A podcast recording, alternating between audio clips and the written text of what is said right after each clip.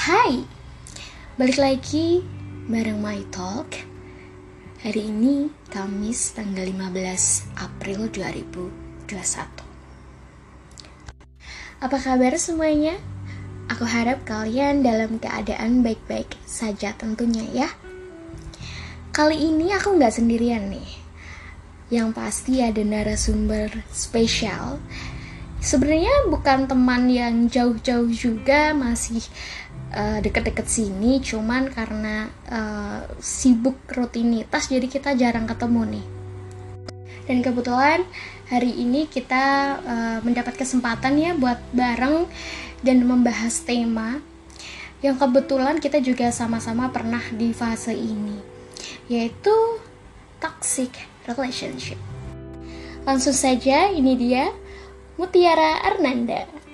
Halo semuanya, hai. Gimana kan nih kabarnya? Wow, sangat luar biasa sih buat hari ini. Kesibukannya apa sih akhir-akhir ini? Kalau boleh tahu. Kalau hari ini aku baru habis nyelesain tugas akhir kampus aku. Sekarang aku baru mulai bekerja, mencari-cari pengalaman baru dan menunggu sudah sih itu itu aja oh sibuk sekali ya dengar-dengar uh, kamu sekarang lagi merintis bisnis ya?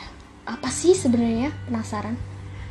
Bisnis aku sih kecil-kecilan aja seperti warmindo seperti itu tongkrongan anak muda. Sekarang nggak sih kayak gitu? Iya sih iya ya prospek sekali ya tentunya. Apalagi kan uh, sekarang baru-baru ini banyak banget ya anak-anak yang suka nongkrong dengan tempat-tempat yang bagus gitu ya. Meskipun tujuannya sebenarnya makanannya cuma gitu-gitu aja ya dan cuman yang dicari pasti tempatnya.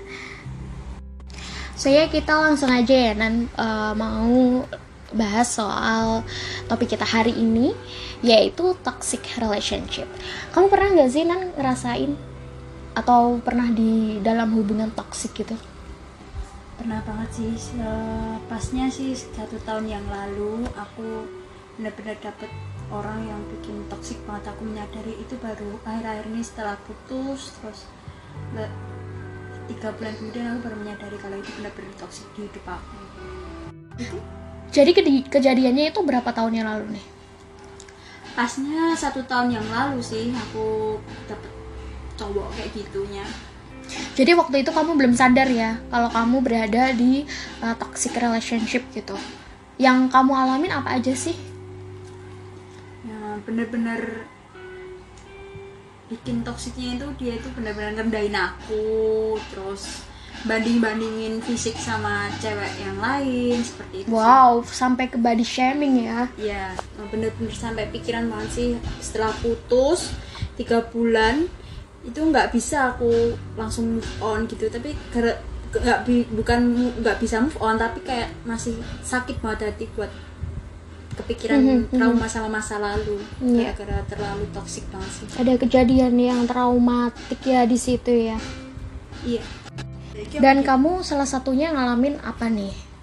Contohnya kayak selain body shaming kamu merasa kayak dikekang atau dia tuh kayak posesif banget gitu sebenarnya banyak banget sih ya yang aku pengen ceritain. Dia itu terlalu posesif banget. Kayak setiap aku mau ke mana pun sama pas sama dia ya itu handphone aku selalu dia lihat bener-bener dari chat detail chat dari awal sampai akhir itu bener-bener hmm. harus dibaca banget sama dia. Bener-bener itu nggak ada kata perselingkuhan. Mungkin sebenarnya nggak ada kata perselingkuhan tapi menurut dia kayak menjuru sedikit aja. berasumsi gitu ya, ya. bener masih dia itu hobi banget berasumsi. Sampai aku tuh nggak banget. Sebenarnya itu nggak banget. Nggak chatnya itu nggak banget sama sama temen ya. Tapi kok mikirnya sampai bisa-bisa sampai arah mau perselingkuhan gitu sih jadi selain uh, sering berasumsi gitu ya dan sampai nyadap gitu enggak enggak sih kalau nyadap nyadap kayak gitu enggak tapi kalau main berdua habisin waktu berdua quality time selalu handphone cek.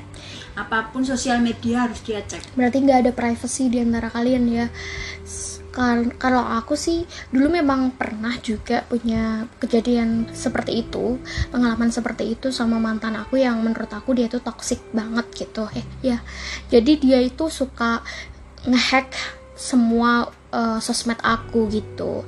Dan ya aku merasa kayak sebenarnya itu masih mending sih. Dan aku tuh sempat mengalami physical abuse juga dan mungkin di antara kalian yang sekarang sedang ber, uh, menjalani asmara ya menjalani hubungan dengan pacar kalian kalau memang ada ciri-ciri kayak gitu mendingan kalian benar-benar harus tinggalin ya. Karena itu tuh awal mula guys. Awal mula kalian menghadapi hubungan yang toksik gitu. Selain tadi uh, tidak menghargai ya tidak menghargai yes. pasangan dengan cara merendahkan dan iya betul compare sama perempuan lain. Dan udah nggak ada ranah privacy ya di situ karena handphonenya selalu dicek. Dan dia suka berasumsi sampai posesif kayak gitu. Mungkin uh, ada yang salah dengan hubungan kalian gitu. Selain itu apalagi nih Nan?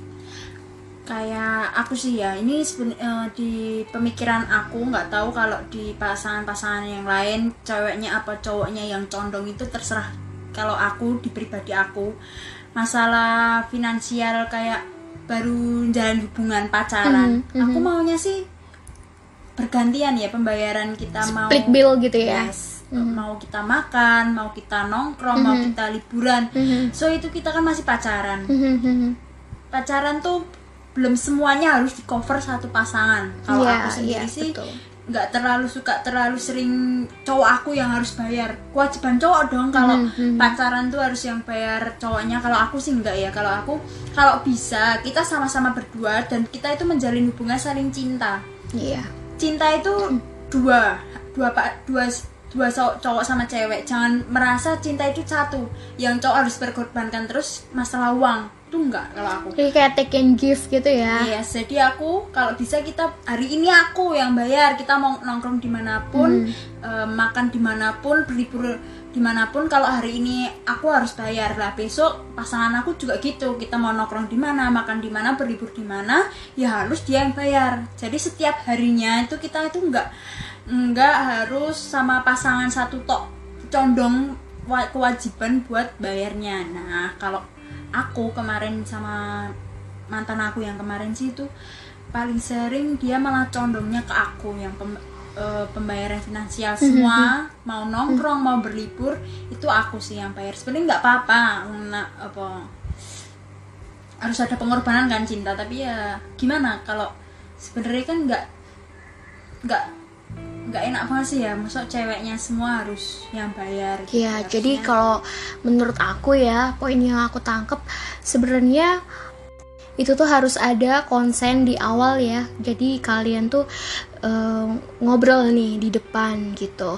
Pengennya gimana nih kalau kita jalan? Gimana kalau kita makan gitu uangnya gimana sih? Split bill atau gimana gitu. Itu memang memang harus dibicarain dari awal ya. Yes. harus ada kesepakatan bersama gitu ya. Yeah. cuman mungkin pada saat itu kamu diem aja ya. Ketika uh, kamu terus ter terusan digituin gitu dia kamu berharap menunggu dia peka atau gimana nih? Waktu itu. Kalau aku sih sebenarnya kalau tentang finansial emang nggak pernah membahas mau dia apa aku sebenarnya enggak tapi nggak ada pembahasan jadi ya udah dia minta ke aku dan dia itu minta enggak straight to the point gitu? Yes. Oh my god. Dia minta enggak bu enggak enggak aku yang inisiatif. service gitu ya? dia, enggak mm -hmm. tapi mm-hmm. emang dia yang minta dia yang mau uh, milih tempatnya. Tapi nanti pas bayar nah itu oh, wow. mintanya ke aku. Oke okay, oke, okay. it's fucking funny ya kalau aku dulu tuh uh, sering banget ketika dia melakukan kesalahan gitu ya dia uh, ngamuk marah gitu terus tiba-tiba dia tuh kayak minta maaf gitu terus merasa bersalah gitu. Terus kita tuh jadi kayak lula lagi gitu loh kamu kurang gak sih nan? Kayak gitu. Dan kita sadarnya tuh setelah keluar dari hubungan itu gitu. Dan waktu itu satu setengah tahun itu menurut aku waktu yang lumayan lama ya. Uh, dan waktu itu memang belum belum terbuka gitu. Belum sadar aku terjebak di hubungan yang toksik jadi kamu pernah di hubungan yang tidak sehat ya seperti kekerasan fisik itu sama pacar kamu? Iya, aku pernah, aku pernah dan waktu itu ya aku cukup masih lumayan muda ya usianya dan dia pun juga gitu. Dan terlebih waktu itu uh, bener-bener ngerasain banget kayaknya ini udah gak sehat deh gitu karena dia memang pernah uh, physical abuse sama aku gitu. Tapi setelah bisa lepas dari itu aku bener-bener jadiin pelajaran sih agar agar aku dapet pasangan tuh aku bisa melihat dan bisa paham gitu wah ini kayaknya gak beres deh gitu. Jadi kita punya intelijensia ke arah sana gitu sebenarnya nggak semuanya sih ya nggak semua laki-laki tuh seperti itu. Dan kita pun juga nggak bisa mengeneralisir semuanya seperti itu. Harus menilai by person gitu. Tapi buat kalian ya para perempuan di luar sana gitu kalau kalian sedang mengalami ini nih mengalami uh, kok ciri-cirinya sama ya gitu kalian harus lebih aware sih karena kalian sekarang nggak sadar gitu ya Nan jadi iya bener banget sih. ya kan kita tuh nggak sadar waktu berada di hubungan itu tapi sadarnya pas lepas ya gitu. Jadi buat kalian yang ngerasa kayak oh, kok gue I can relate to that gitu. Merasakan hal yang sama ya kayak Arnanda dan kayak Maita. Coba deh uh, kalian diskusiin baik-baik sama pasangan kalian. Kalau memang kalian merasa hubungan kalian ada yang gak beres ya jadi uh, semoga kalian juga ada titik ketemu di situ. Dan sebenarnya uh, toxic relationship itu bukan cuman kayak kayak mengalami kekerasan. Sebenarnya kayak kamu kurang merasa didukung nih gitu. Saat kamu berada dalam hubungan yang sehat kamu tuh selalu mendukung karir pasangan kamu gitu kan. Kalau dia nggak ngedukung ya ngapain gitu. Terus Buang aja betul banget. Terus kayak kamu yang selalu ngalah nih ya nggak? Padahal dalam sebuah hubungan tuh kedua pihak kan harus bekerja sama gitu ya. Terus kalau seandainya uh, kamu ngasih effort nih terus dia tidak menunjukkan usaha ya udah ngapain sih gitu kan? Kalau kamunya aja effort padahal kamu udah mati-matian nih tapi dianya kok nggak ada ini ya nggak ada usaha untuk uh, kayak aku gitu lepasin aja dari awal hmm. daripada nanti di akhir-akhirnya ternyata kamu yang sakit hati sendiri nanti terakhir-terakhirnya mending sakit awal dulu deh daripada nanti pas di belakangan udah terlanjur terlalu sayang banget nah itu deh Ya, dan kalau dia selalu bohong ya ngomong bohong, terus itu patut dicurigai ya Nan ya. Bener banget sih. Mm. Sebenarnya kalau hubungan dari awal, awal aja udah ada kebohongan, ya udah minta maaf. Tapi tetep tetep aja nanti di akhir-akhirnya di di perjalanan tetap ada kebohongan. Mm. Cowok kalau udah pernah bohong sekali itu pasti di setiap perjalanannya tetap ada nanti. Ya addiction gitu ya. Yes. Terus kayak dia tuh selalu ngitung kesalahan kamu gitu ya. Banyak kan yang kayak kamu tuh loh gini gini gini gitu. Terus ngungkit-ngungkit yang udah-udah suka banget gitu. sih kalau biasanya orang-orang toksik itu selalu suka ngungkit kesalahan banget. Enggak gitulah. Dan sering banget gak sih kayak kamu tuh punya teman gitu ya lagi jalan nih gitu jalan gitu. Terus dia tuh kayak kamu ngapain sih pergi sama dia? gitu. Ngelarang ngelarang hmm. sih paling seringnya hmm, dia tuh padahal ngelarang dia ih jangan sama itu nanti kamu gini seperti tadi ih posesif banget Wah nggak kerasa ya waktunya udah panjang banget. So thank you sharingnya hari ini ya Arnanda. Ya, Oke, okay. itu santuy aja kales. Dan semoga ada uh, pelajaran yang bisa diambil ya dari kisah dan cerita kita, kita hari berdua. ini ya. Korban-korban toxic, relationship dan semoga kalian uh, yang cewek-cewek? Mm, yang, yang sekarang. lebih pinter aja deh. Iya, yang sekarang lagi fighting nih. Uh, mungkin kalian tahu ya kalau lagi berada di hubungan ini tapi pengen keluar tapi nggak bisa semoga kalian bisa ya cepet-cepet keluar dari uh, zona itu dan keluar dari keadaan itu. Ya so tetap Cepet semangat. sadar. Heeh, tetap semangat tetap tetap dengerin terus konten-konten aku ya podcast podcast aku dan sangat berbobot sekali ya sebenarnya kita niatnya cuma pengen sharing ya Yes. nggak bermaksud kayak apa eh, menggurui atau gimana gitu kan karena setiap orang pasti punya pengalaman ya masing-masing sini kan ya jadi kan pengalaman kita berdua Iya, aja kita sharing aja pengen di sini. berbagi yang di hubungan yang benar-benar tidak sehat kita mau ngasih Mm-mm. tahu dan syukurnya kita udah lepas ya Yes. sekarang gitu ya so kita lanjut lagi ya minggu depan di hari Senin.